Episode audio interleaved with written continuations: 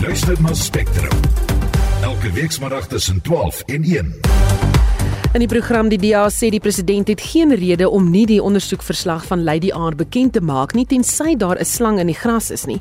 Afriforum is weer in die hof oor die sing van Kill the Boer en ons vra hoe gemaak met behuisingskrisis 'n krisis in Johannesburg se middestad. Die span in die ateljee se redakteur Marlenae Forsie, produksieregisseur is Bongie Kosim Tembo onder leiding van Daitron Godfrey en ek is Susan Paxton. Welkom by die program.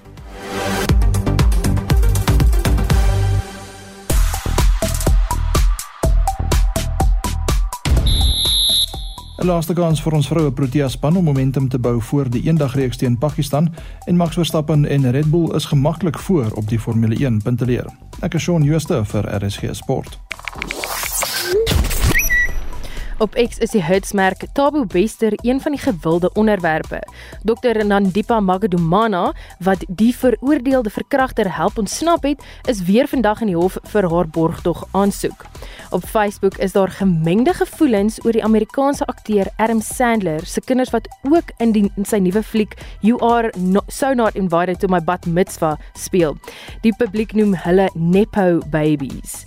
En dan op Instagram trek 'n video van 'n groen ligstraal deur die lug in Turkye heelwat aandag. 4,3 miljoen mense het al daarna gekyk. Dis veroorsaak deur 'n meteoriet wat deur die lug geskiet het. Hou ons sosiale media platforms dop vir nog interessante brokkies. Ons gesels uh, oor iets wat in Kaapstad gebeur. 800 wetstoepassers en byna 300 polisievoertuie is met kameras toegerus. Alle handelinge word dus nou opgeneem en videomateriaal kan nagegaan word indien nodig. Die burgemeesterskomitee lid vir veiligheid JP Smith sê dit volg op navorsing in die buiteland. Mens sien verlagings van tot 90% in terme van die aanvalle op personeel. Dit deeskaleer ook die interaksies met die publiek met die dat wetstoepassingsamptenare meer eerlik hou en terselfdertyd die publiek se gedrag verbeter aangesien dit vir hulle gevaarlik raak om vals klagtes dan teen hmm. personeel te maak. Nou ja, dink jy dit gaan 'n wesenlike verskil maak aan wetstoepassing en hoe jy byvoorbeeld optree teenoor wetstoepassers? Praat saam, stuur 'n SMS 45889. SMS se kos R1.50. Jy luister na Spectrum op RSG en is nou 8 minute oor 12. Soos jy vroeër in die nuus gehoor het, het die DA se skare minister van verdediging, Kobus Maree, gesê president Cyril Ramaphosa het geen rede om nie die volledige ondersoekverslag van 'n onafhanklike paneel oor die skip, Lady R, bekend te maak nie tensy daar onreëlmatige beweging van vrag was nie. Dit volg op beskuldigings deur die Amerikaanse ambassadeur in Suid-Afrika dat die land wapens en ammunisie aan Rusland verskaf het vir sy oorlog in Oekraïne nadat die vragskip in Desember 2022 in die Simonstad vlootbasis aangedoen het. Ramaphosa sê of Ramaphosa het eerder gister oor die kwessie 'n toespraak gehou. Ons praat nou met Kobus Maree. Goeiemôre Kobus. Goeiemôre Susan, goeiemôre aan jou luisteraars. So wat is jou reaksie op die president se besluite en aankondigings gisteraand oor die Lady R verslag? Tot 'n groot mate was dit verwag geweest, maar dit is nog steeds teleurstellend geweest want dit lyk vir ons en vir my dat eerstens was die die die die ehm um, opdrag aan die paneel baie eng en baie nou omskryf dat dit gegaan het oor die oplaai van wapens per se uh en min oor die ander dinge. Ons weet van die begin af daar was nie wapens gelaai nie en dis hoekom ek nog nooit van Desember af enige uh eis gemaak het dat daar was wapens gelaai nie. Daar was wel iets gelaai, dit weet ons, want nadat die sewe containers ammunisie wat die uh president gisteraand sê toerusting was uh wat nie toerusting was nie maar wel ammunisie soos dit verklaar was aan die parlement se se se staande komitee oor verdediging uh en wat openbare inligting is en nie betroubaar of geloof of of of uh vertroulik en en uh, geklassifiseerde inligting is nie. Blyk dit dat dit dat hulle nie op alles gaan let dit nie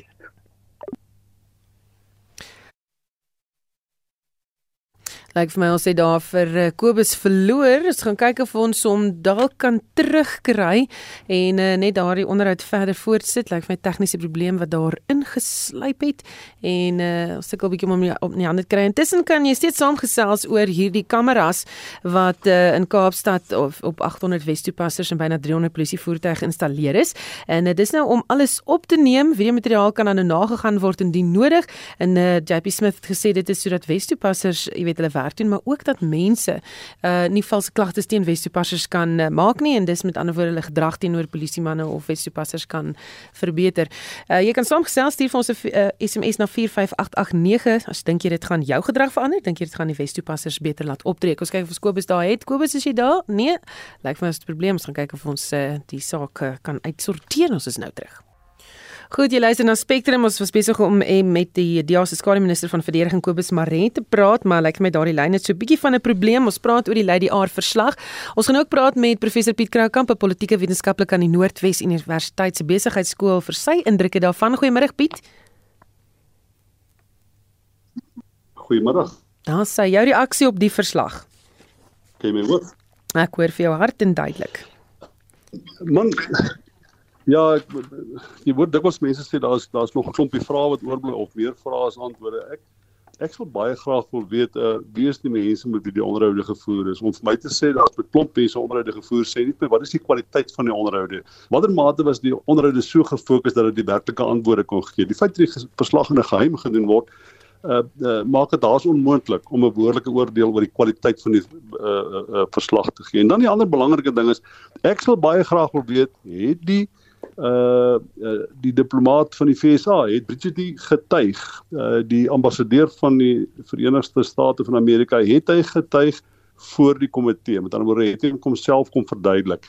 Want uh ons moet ook onthou dat hy waarskynlik uh, diplomatieke immuniteit het en nie hoef te getuig nie. Ons moet onthou dat dit waarskynlik nie in die belang van die FSA is terwyl van die baie uh noem dit nou maar uh, uh twyfel wat daar bestaan oor die verhouding tussen Amerika en Suid-Afrika om die ding verder te dryf nie. So dit is baie maklik.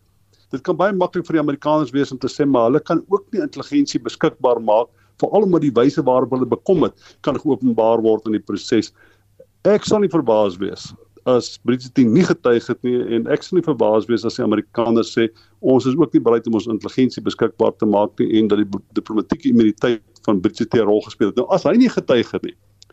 Want onthou die FSA se ambassade in Pretoria is vrot van intelligensie mense. Dit is wat kom doen hier in Suid-Afrika. Hulle doen alle ambassades reg oor die wêreld. Met ander woorde, dit kan net hulle wees wat vir Bridget die, die inligting gegee het. Met ander woorde, dit is uh inligting wat uit die intelligensiedienste van Amerika uitkom. Hy sal nie so iets gesê het sonder dit sy bron is nie. Nou, hmm. ek wil graag wil weet of daai inligting wel met die paneel gedeel is. Mm, ons was besig om te praat met Kobus Maree, die DA skare minister van verdediging voor ons na jou toe gekom het. Ehm um, en toe ek met hom gepraat het vroeër vanoggend, het hy vir my gesê hy sou aanvanklik met hierdie paneel gepraat het en toe later was daar snaakse vrae aan hom gevra en hulle wou nie al die inligting by hom hê nie en op regsadvies het hy toe besluit om ook nie met hulle te praat nie. So wat maak mens dan met hierdie verslag as hulle nie met almal gepraat het nie? Wel, as ons nie eens weet met wie hulle gepraat het nie en hulle nie met almal gepraat het nie. Kyk eintlik gaan die ding uh, onder die tafel in verdwyn, hè. Dit ons kan niks daaraan doen nie. Ek dink dit is seker moontlik om probeer om die ding in 'n hof uit te daag, weer 'n keer dan te kyk kyk wat beskikbaar gemaak word, kyk watter besonderhede mag moet in openbaar wees uh of of uh, weet jy gaan toegee wat inligting betref. Maar ek dink uiteindelik is dit dis maar een van die goed is waarskynlik weer soos die soos die pale pale verslag uh, on, ons gaan gaan nie erns kom met die president in hierdie ding nie. Ek dink die Kaberties base is goed.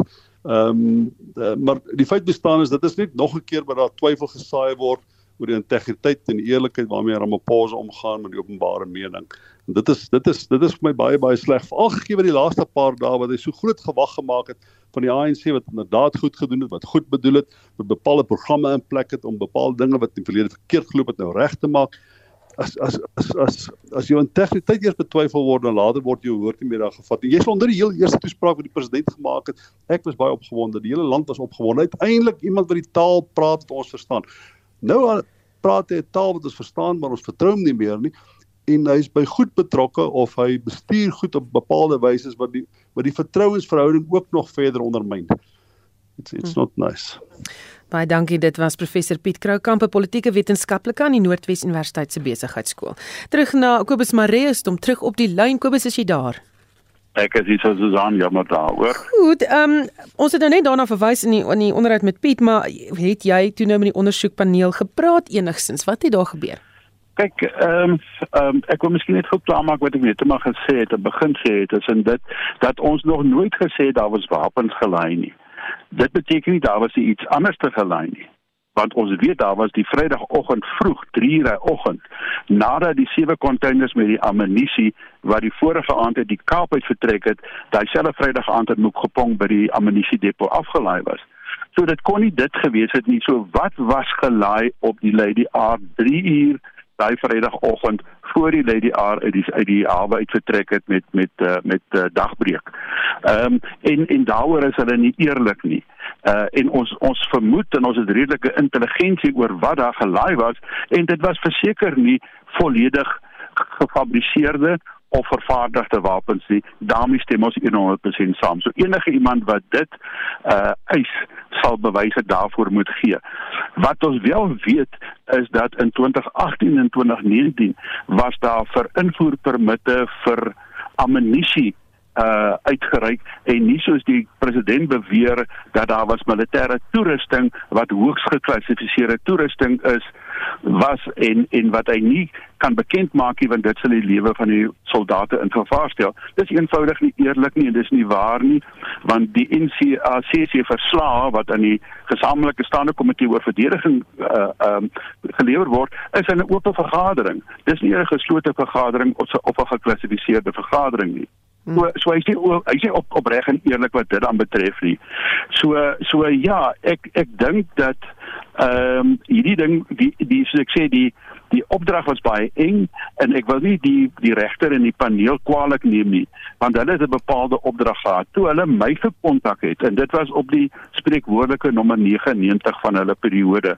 Dit was eh uh, daai naweek, dit was net voor die naweek voor hulle hulle verslag moes ingehandig het op die 18de. Ja. En hulle versoek aan my was om inligting te verskaf rondom die uh in Engels die docking, aan die ander die vasmeer van die skip. En my vraag aan hulle was toe, is dit is dit al wat inligting wat julle soek? Wat is julle opdrag? Wat is die inligting wat julle werklik wil hê by my?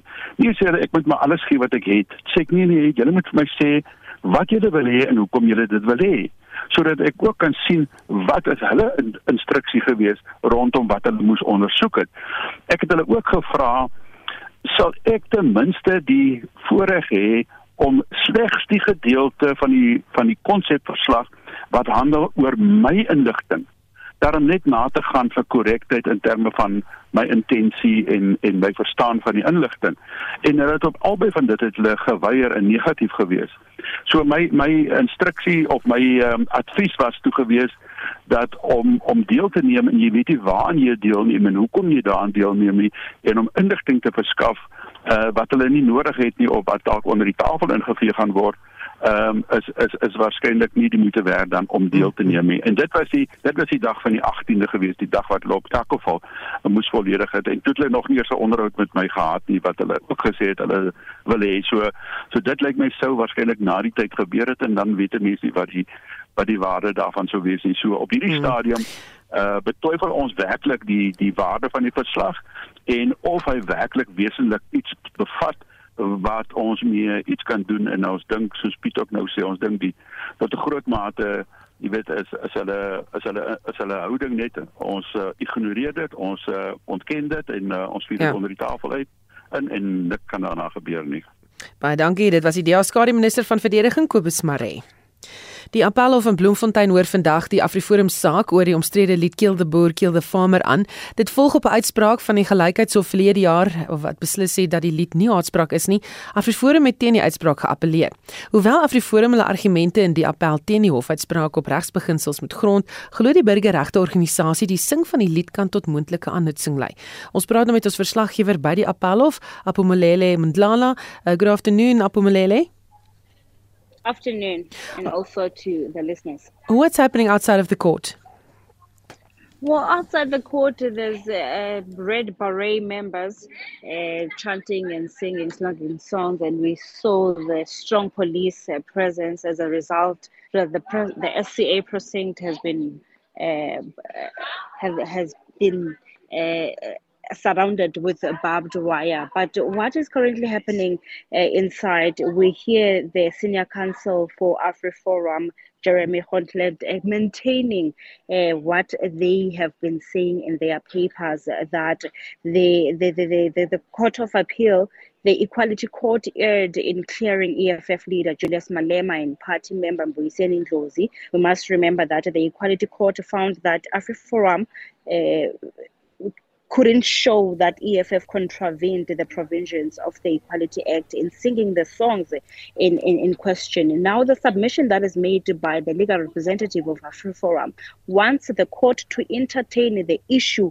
of the hate speech uh, on the song that was sang by Malema as well as Ndlozi in Senegal, where it says "kill the bull, kill the the the the." the the, the, the, farmers. And uh, what we have also established from the EFF side, senior uh, counsel Mugaitobi, saying that there was rather the mediation uh, between ANC, uh, e, Malema, as well as AfriForum as to that paved the way forward. The mediation order, or rather the settlement, didn't find or didn't say that the song was hate speech or not, but they they had an agreement as to how to sing this song and where to sing this song. And now AfriForum is here to say that that song should not be sang as, at all because it incites violence and also uh, it, it, it undermines the minority. Hm. Baie dankie. Dit was ons verslaggewer by die hof, Apomelele Mlatlana. Ons bly by die storie en praat nou met die uitvoerende hoof van AfriForum, Kali Kriel. Goeiemôre Kali. Uh, Goeiemôre Susan. Wat het tot dusver in die hof gebeur?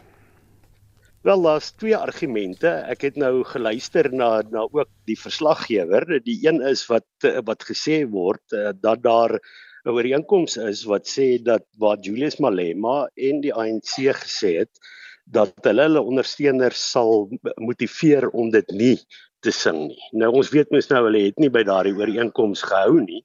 Maar die punt is ook hier's nou nuwe partye by. In daai tyd het die EFF nie bestaan nie en daarom het ons nou die saak gemaak om ook die EFF te bind.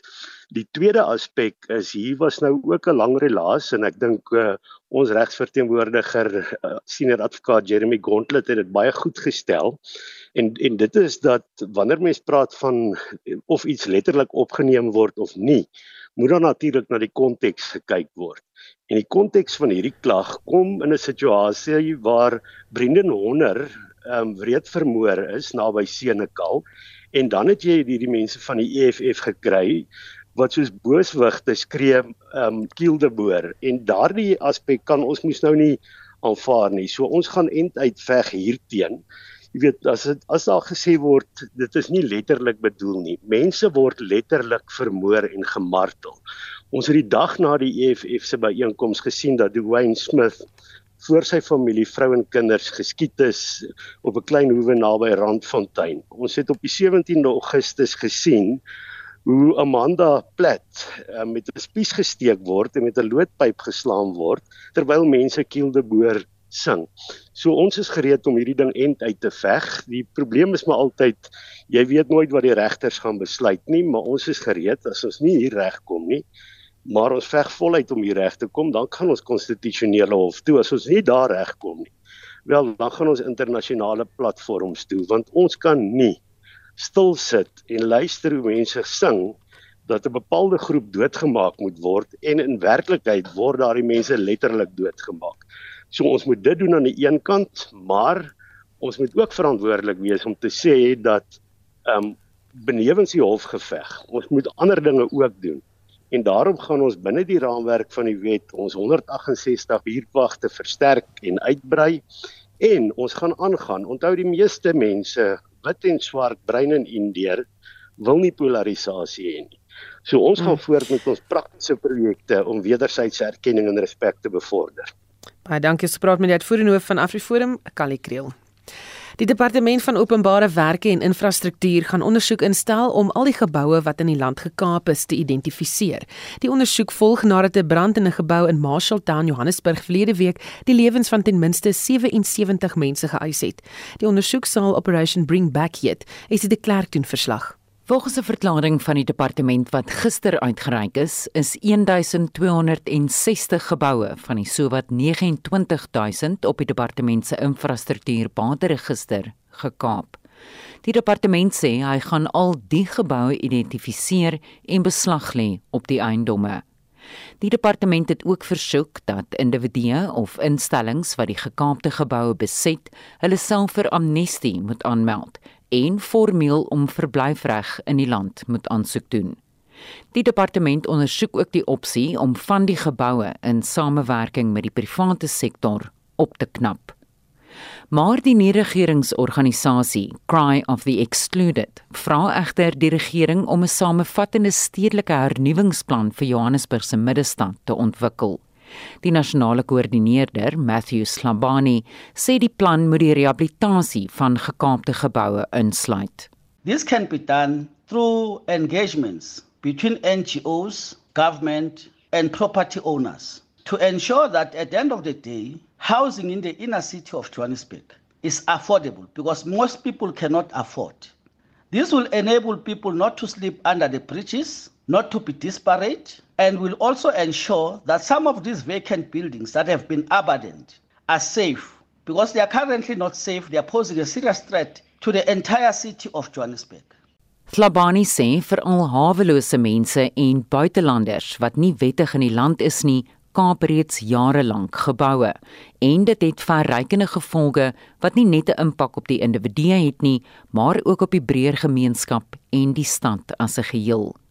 Klabani sê die gekaapte geboue kan nie van ander sosio-ekonomiese kwessies soos armoede en werkloosheid geskei word nie. Die organisasie sê ook die feit dat geboue gekaap word, dui op stedelike verval en dat behuising in stede onbekostigbaar is. We must address the issues that are associated with the neoliberal policies and budget cuts. It is these budget cuts that have led to the situation that we are currently facing. The city is decaying, buildings are decaying, local municipality has collapsed. So we need to work together. We are calling upon all organizations, government, property owners to work together towards that holistic approach. Die organisasie sê dit is teleurstellend dat die regering nie regeringsorganisasies blameer vir die krisis in plaas daarvan om verantwoordelikheid te aanvaar vir 'n probleem wat reeds jare lank net groter en groter word. Ek is Estie de Klerk vir SAK nuus. Ons bly by die storie en praat nou met 'n navorsingsgenoot van die Departement Openbare Administrasie en Bestuur aan die Universiteit van die Vrystaat, Halen Kloete. Goeiemôre Halen. Goeiemiddag Susan en goeiemiddag aan al die luisteraars. Die departement het nou 'n operasie in die lewe geroep om alle gekaapte geboue te identifiseer. Uh is dit die regte benadering? Ek dink dis die regte benadering. Dis egter 'n bietjie baie laat. 'n uh, Mens, jy weet, dit is so 'n reaktiewe uh respons. Maar kom ons sê baie dankie dat dat die departement dan uiteindelik wakker geskrik het en dan nou iets aan die situasie gaan doen. Hoe suksesvol dink jy kan so 'n operasie wees vir al ons mense moet gaan aanmeld en sê goed ons is ons is nie van hier nie ons het nie papiere nie help ons nie. Kyk ons het 'n ek dink ons het 'n groot probleem in die land met met mense wat onwettig uh, sonder die nodige dokumentasie in die land is. Ek dink die stedelike verval van die Johannesburgse middedorp is nie iets wat oornag gebeur het nie, dit het geleidelik gebeur.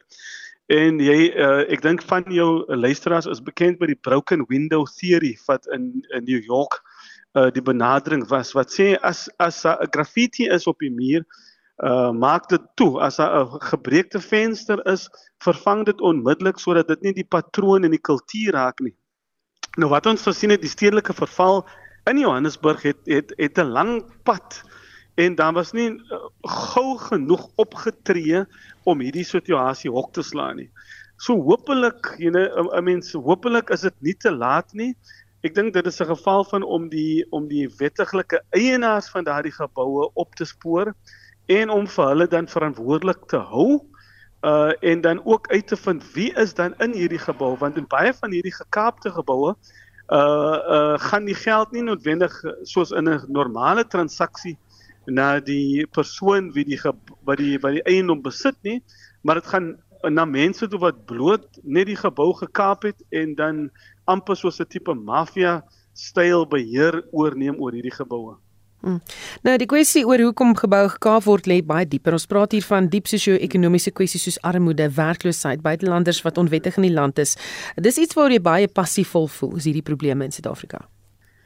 Dit is ja, jy weet ons het ons het 'n groot probleem met werkloosheid en armoede en mense is desperaat. Mense kom na die as jy mens kyk na verstedeliking, mense is is honger en arm in die in die platteland byvoorbeeld en dan kom hulle na die stede toe met hierdie baie groot ideale om hulle drome te verwenslik. Uh en en uh, baie keer kan is die infrastruktuur in hierdie stede kan nie dit absorbeer nie.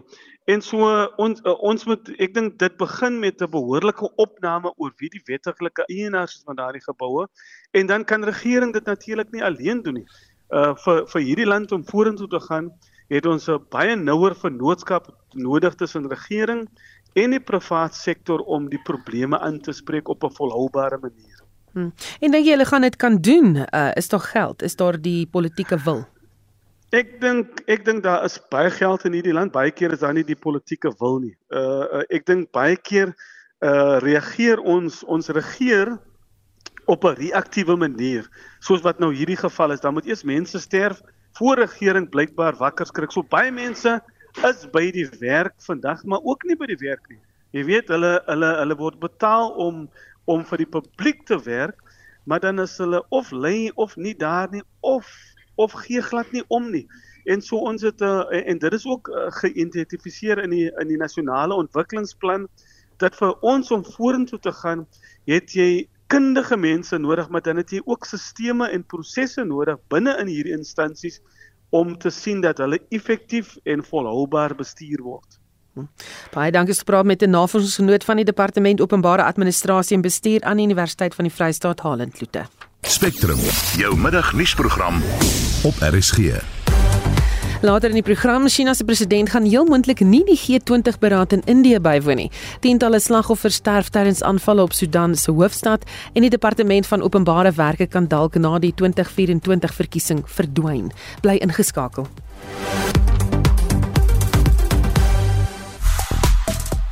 Nou ons vra of uh, dink jy dit gaan 'n wesenlike verskil maak aan wetstoepassing as uh, dat wetstoepassers en dan die voertuie toegerus word met kameras, gaan dit jou beter laat optree, gaan dit hulle beter laat optree?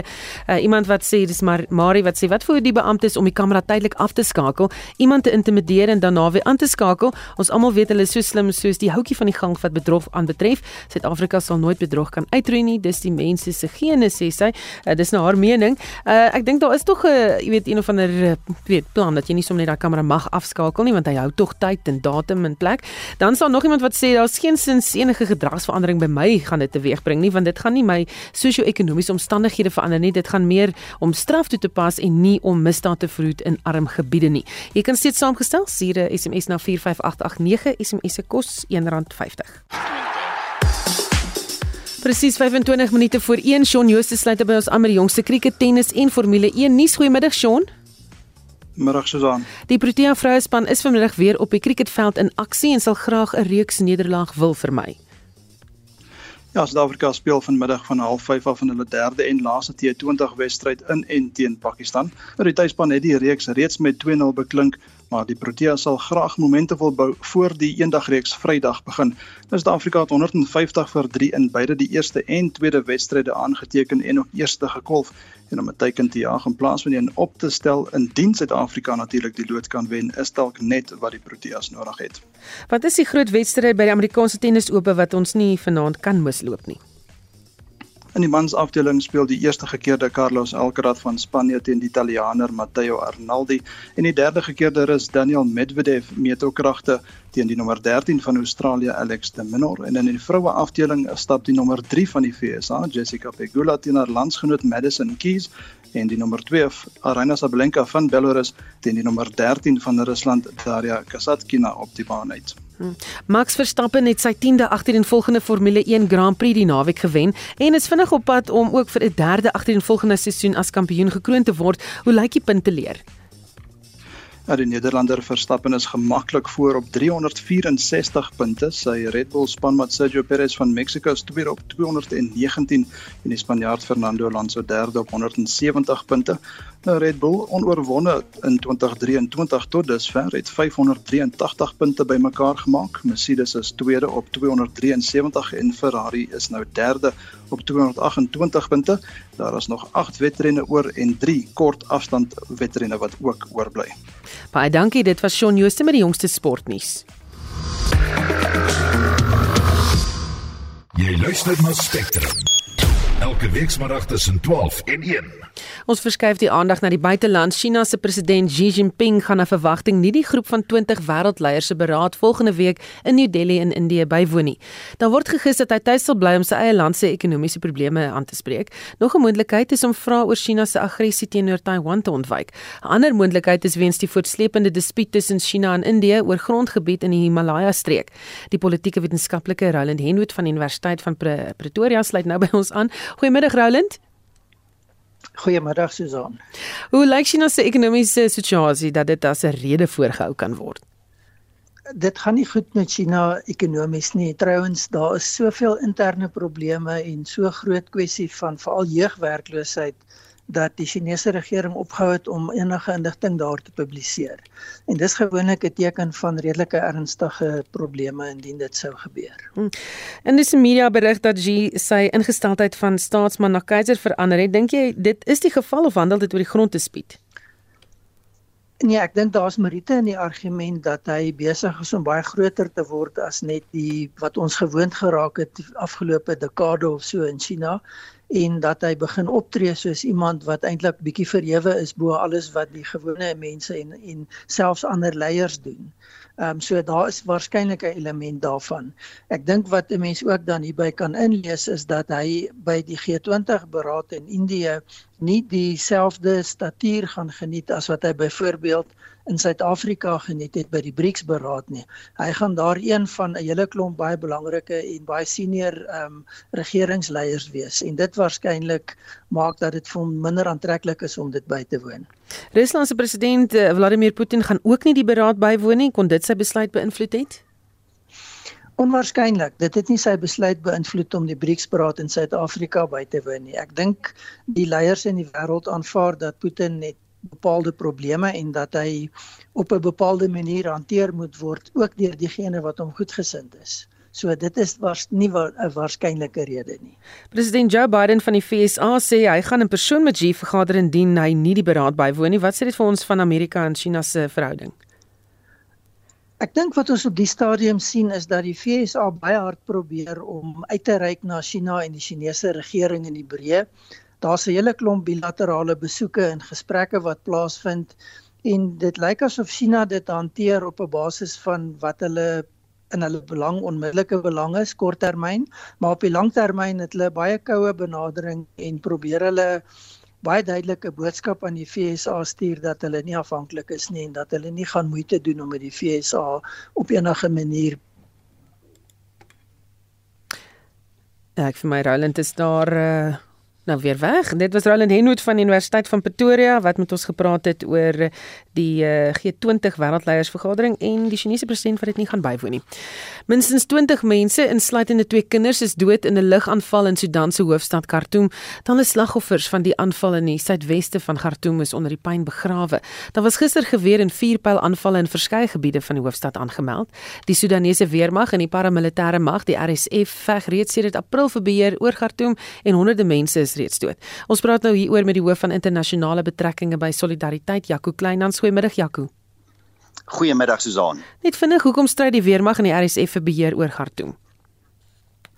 Ja, uh, volgende Vrydag sal dit 5 maande wees sedert die twee groepe uh, uh, met hulle gevegte begin het en ons sien dat dit baie verder uitsprei as Khartoum natuurlik ook in Darfur en ander provinsies, maar Khartoum natuurlik baie belangrik, die hoofstad van Sudan en die weermag van Sudan se hoofkwartier uh, is in Khartoum. Nou die afgelope paar weke het die Rapid Support Forces beheer gekry oor verskeie woonbuurte uh, in Khartoum. Hulle dele van die weermag se hoofkwartiere ook omsingel en dit is die rede vir hierdie lugaanvalle wat ons die naweek gesien het. Die uh, weermag beskik natuurlik oor 'n lugmag, hy beskik oor lugvermoë, um, en hy het eenvoudig hierdie lugaanvalle geloods om twee dinge te doen, om te probeer om 'n uh, um, uh, pad oop te kry na sy eie hoofkwartier en aan die ander kant om die voorsieningslyne na die Rapid Support Forces af te sny. Die Rapid Support Forces kry steeds baie wapens van uh, ander lande in Afrika, ook van groepe deur wie hulle dit smokkel en die die, die, die Sudanese weermag wat natuurlik dit probeer beëindig.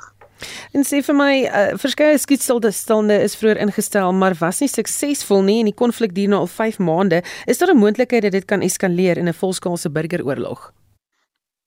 Ek dink wel so Susan, ek dink daar's 'n paar redes. Aan die een kant, ons het verlede week gesien dat die hoof van Sudan se weermag, generaal Abdel Fattah al-Burhan, uh Egipte besoek het. Hy het daar met president El-Sisi vergader. Nou Egipte is 'n belangrike bondgenoot van die Sudanese weermag en uh mens kan verwag dat daar oor wapens gepraat is, die verskaffing van wapens aan die Sudanese weermag. Aan die ander kant sien ons dat die Rapid Support Forces die afgelope tyd beheer gekry het oor groot dele van die weste van Sudan. Uh, Natuurlik baie minerale is, baie goudmyne is. Rapid Support Forces het geen tekort aan geld nie. Um, hulle werk tans saam met die Wagner groep uit Rusland. Uh daar's beweringe dat hulle wapens kry uit die Verenigde Arabiese Emirate en en selfs van ander Afrika lande. So daar is oor genoeg wapens beskikbaar. Daar is geld beskikbaar en hierdie twee groepe gaan waarskynlik uh eerder net die konflik eskaleer. En die gevolg daarvan natuurlik is dat die humanitêre krisis verdiep, dat meer en meer mense vlug, meer as 'n miljoen mense wat reeds die land verlaat het, en uh, meer as 3 miljoen mense wat uit hulle huise moes vlug na ander dele van Sudan en ons kan eintlik maar verwag dat hierdie konflik langer sal duur. Jy het verwys na die vredesooreenkomste of die tydelike skietstilstand ooreenkomste vroeër verjaar in Mei en Junie. Susan, daar's nou eintlik geen kanse op hierdie stadium vir 'n nuwe skietstilstand ooreenkoms en dit is hoekom ons nie hoor oor enige onderhandelinge nie. Baie dankie, ons praat met die hoof van internasionale betrekkinge by Solidariteit, Jaco Kleinhans. Die departement van openbare werke kan dalk na die 2024 verkiesing verdwyn. Die regering beoog om staatsentiteite deur hulle onderskeie ministeries te bestuur. Eskom sal byvoorbeeld binne die departement van minerale hulpbronne en energie bestuur word en Transnet deur die departement van vervoer. 'n Houermaatskappy sal deur die departement van openbare werke gestig word om staatsidentiteite of entiteite te fina se finansiële bestuur oor te neem. Ons praat nou met 'n besoekende professor aan die Sakeskool by die Wits Universiteit, Janie Resou. Goeiemôre Janie. Goeiemôre Suzana, goeiemôre aan die luisteraars. Sal so 'n plan werk? Ag Suzana, ek het nou regtig nie hoop vir so 'n plan nie. As ek dit net maar blaatant kan stel, die uh openbare ondernemingsdepartement het nie regtig gewerk nie. Die staatsentiteite het belastingbetalers miljarde rande gekos om hierdie struktuur nou met 'n ander struktuur te vervang.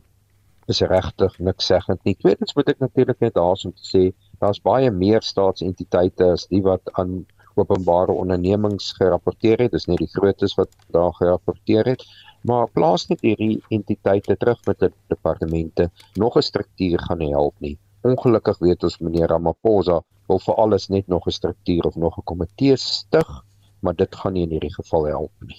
Wat gaan help? Maar in hierdie geval gaan dit help om van die staatsentiteite wat nie bestaansreg het nie ontslae te raak, soos Denel, soos Alex Kor, soos die Suid-Afrikaanse lugdiens en so meer en dan natuurlik om nie kaders nie maar bekwame bestuur by die ander entiteite aan te stel. Dis die enigste oplossing wat ons op die oomblik het. So om nog 'n struktuur te skep is maar net nog 'n plan van die regering om onsself te probeer bluf. Hm.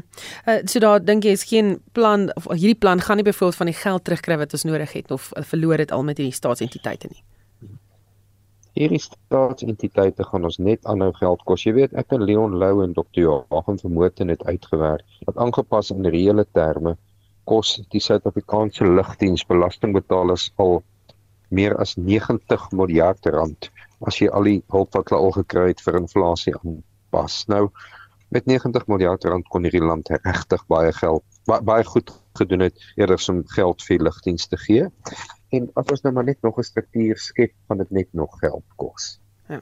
Baie dankie. Dit was 'n besoekende professor aan die Sakeskool by die Wits Universiteit, Jannie Rousseau. Nou ja, ek sien 'n klomp mense wat nog gesels oor hierdie uh, kameras. Iemand wat sê dankie JP Smith en Kaapstad Metro. Ek dink dis 'n uitstekende plan. Julle maak ons trots. Dis Annelien wat so reageer. Moenie jou kar sleutels sommer aan enige iemand oorhandig nie. Dit is die waarskuwing van die versekeraar King Price. Dit na die versekeringsmisdaadburo statistiek bekend gemaak het oor die skerp toename in kubermisdaadsyndikaate wat glo mense uit hulle motors swendel. Ons praat nou met die bemarkingsbestuurder van King Price Versekeraars Wynand van Vieren. Goeiemôre Wynand. Hallo Susan. Hoe werk dit? Hoe gee mense sommer net hulle sleutels vir 'n vreemdeling? Weet jy ja, dit ons ons het so 'n paar jaar terug gesien daar was so 'n verskynsel gewees en nou is hierdie diewe weer op hierdie selfde trant besig. Wat hulle doen is hulle is baie baie slim. Hulle bekom die kliënt se inligting, stuur 'n e-pos, ehm um, gee jou 'n oproep en sê hulle skakel nou van die jy weet die die die die plek wat jy jou motor gekoop het, die handelaar waar jy jou motor gekoop het daar is goed wat aan die motor gedoen moet word, maar dit is nie 'n probleem nie. Hulle gaan dit vinnig doen. Hulle kom ook sommer die motor by jou optel. En ehm um, jy weet dan mense kry 'n e-pos om dit te bevestig. So hulle is baie baie slim om jou goed op jou gemaak te sit. Dan kom hulle daar aan, laai die voertuig daar betrok en dan gaan hulle met hom en dan is hy weg. So mense moet regtig baie bedaagd wees. Jy weet dit dit, dit kom baie um, goed voor en en en mense kom elke dag nou daar's nou voorvalle wat nou baie plaasvind en, en mense loop hier hier onder. Is dit spesifieke motors? Ja, weet jy dit ons sien dit nou, dit is dit is meer in die dierkant. Ek wil nou nie spesifieke fabrikate noem om mense nou op hol te plaas nie, maar dit kan met enige voertuig gebeur, maar hierdie keer sien ons nou uh, jy weet teiken hulle die baie baie meer dierder voertuie. So dit is wat hulle nou doen. Hmm. En wat kan mense dan nou doen om nie met hierdie slapriem gevang te word nie? Weet jy as iemand jou kontak om daar om enigiets in jou motorvoertuig te doen wat jy nou net gekoop het, maak seker jy gaan jy kontak eerder self daardie handelaar of ry soontoe en gaan bevestig dit. Moet glad nie net iemand vertrou wat vir jou e-pos stuur of wat jou 'n oproep gee, net jou kar se sleutels gee en daar gaan hulle met hom nie. Ehm um, jy weet gaan maar uit jou pad uit. 'n Mens moet uitgeslaap wees, weet hulle is besig hiermee Ek weet ek kan amper nie glo na die vorige insidente en en hoe dit ook in die media was dat daar weer mense is wat so uitgevang word nie. Baie dankie, dit was die bemarkingsbestuurder van King Price Versekeraars, Wynand van Vieren. Is die nuus en ontwikkelende stories dop. Ons begin met die nuus uit die Landdroshof in Bloemfontein waar Dr Nandipa Magodumana se borgtog aansoek weer vandag aangehoor is. Magodumana se regspan voer aan dat die staat daarin gefaal het om te bewys hoekom Magodumana nie op borgtog vrygelaat moet word nie. Haar regsverteenwoordiger, Mashini Motlaung, het betoog sy is nie 'n vlugrisiko nie en sal haar verhoor bywoon. Where evidence remain undisputed, that evidence automatically should be accepted by this honorable court. My submissions are that the evidence, in as far as personal circumstances are concerned, is not even riddled with any improbabilities, it's not far fetched, succinct to the point that the applicant has strong family ties within the area where she resides, including strong family and occupational ties in the Republic of South Africa. En ons bly in die howe. Die staat het vanoggend 'n nuwe getuie in die Senzomiwa moordverhoor in die Hooggeregshof in Pretoria geroep. 'n Werknemer van die SPV Kontant en Transito Sekuriteitsdienste, Pieter Smits, getuig oor 'n vuurwapen waarop beslag gelê is by een van die vyf beskuldigdes wat reg staan op Miwa se moord in 2014. Smits het getuig die vuurwapen is na bewering tydens 'n transito rooftog in 2013 gebuit. In internasionale nuus het Zimbabwe se hoofopposisiepartye nog tot vandag tyd om die verkiesingsuitslae in die hof te betwis. Emmerson Mnangagwa van ZANU-PF is vir die tweede keer tot president van Zimbabwe verkies en word vandag in Harare ingehuldig. Opposisiepartye het die uitslae verwerp en ZANU-PF van verkiesingsbedrog beskuldig. Hier is die BBC se Shingai Nyoka. The red carpet has been rolled out, and several heads of state have confirmed that they will attend Mr. Mnangagwa's inauguration. The government is confident it will go ahead as planned, but an official told the BBC that if the opposition lodged their court application before the ceremony, it could be called off. The Citizens Coalition for Change has rejected Mr. Mnangagwa's election win as fraudulent, but haven't officially confirmed whether they'll go to court. International observers' harsh criticism of his election win is likely to hinder Mr. Mnangagwa's plans for greater international re engagement and an economic turnaround. Intussen net president Cyril Ramaphosa na Zimbabwe vertrek vir die presidentsiële inhuldiging, berig Kayelithle Kumalu. President Cyril Ramaphosa has congratulated the people of Zimbabwe for holding elections to elect the president, National Assembly, and local government representatives. South Africa and Zimbabwe are close partners. President Ramaphosa will be accompanied by International Relations and Cooperation Minister Naledi Pandor. En ons bly in Afrika. Die hoof van die militêre junta in Gabon, generaal Bryce Oligui Nguema, gaan binnekort ingehuldig word as die tussentydse president van die land. Dit is nadat die weermag beheer oor die land in 'n staatsgreep oorgeneem het, kort nadat Gabon se president Ali Bongo vir 'n derde termyn as president aangewys is na die verkiesing. Die gemoedere in die land is kalm, maar veiligheidsowerhede hou die situasie met 'n valkoog dop. En dit was Essie de Klerk met 'n oorsig oor vandag se nuus en ontwikkelende stories. Woensdag saai Monitor en Spectrum uit vanaf die TLESA Landboukongres by die Voortrekker Monument in Pretoria uit. As jy daar is, kom luister saam, kom groet. Ons gaan oor alles landbou praat. Ons gaan ook praat oor Indië wat nog 'n Voortrekker Monument gaan bou. En as jy wil weet waarvan ek praat, dan moet jy Woensdag inskakel om te hoor presies waaroor dit gaan. Onthou vorige uitsendings van al ons nuusaktualiteitsprogramme is as potgooi op RC se webtuiste beskikbaar. Onthou ook om in te skakel vir Brandpunt vanmiddag om kwart voor 6. Ons groet namens soos uitvoerende regisseur Nico Jolien de Weer, die redakteur Marlenae Forsie en ons produksieregisseurs Daitrin Godfrey en Bongie Kosim Tembo. My naam is Susan Paxton, bly ingeskakel vir 360.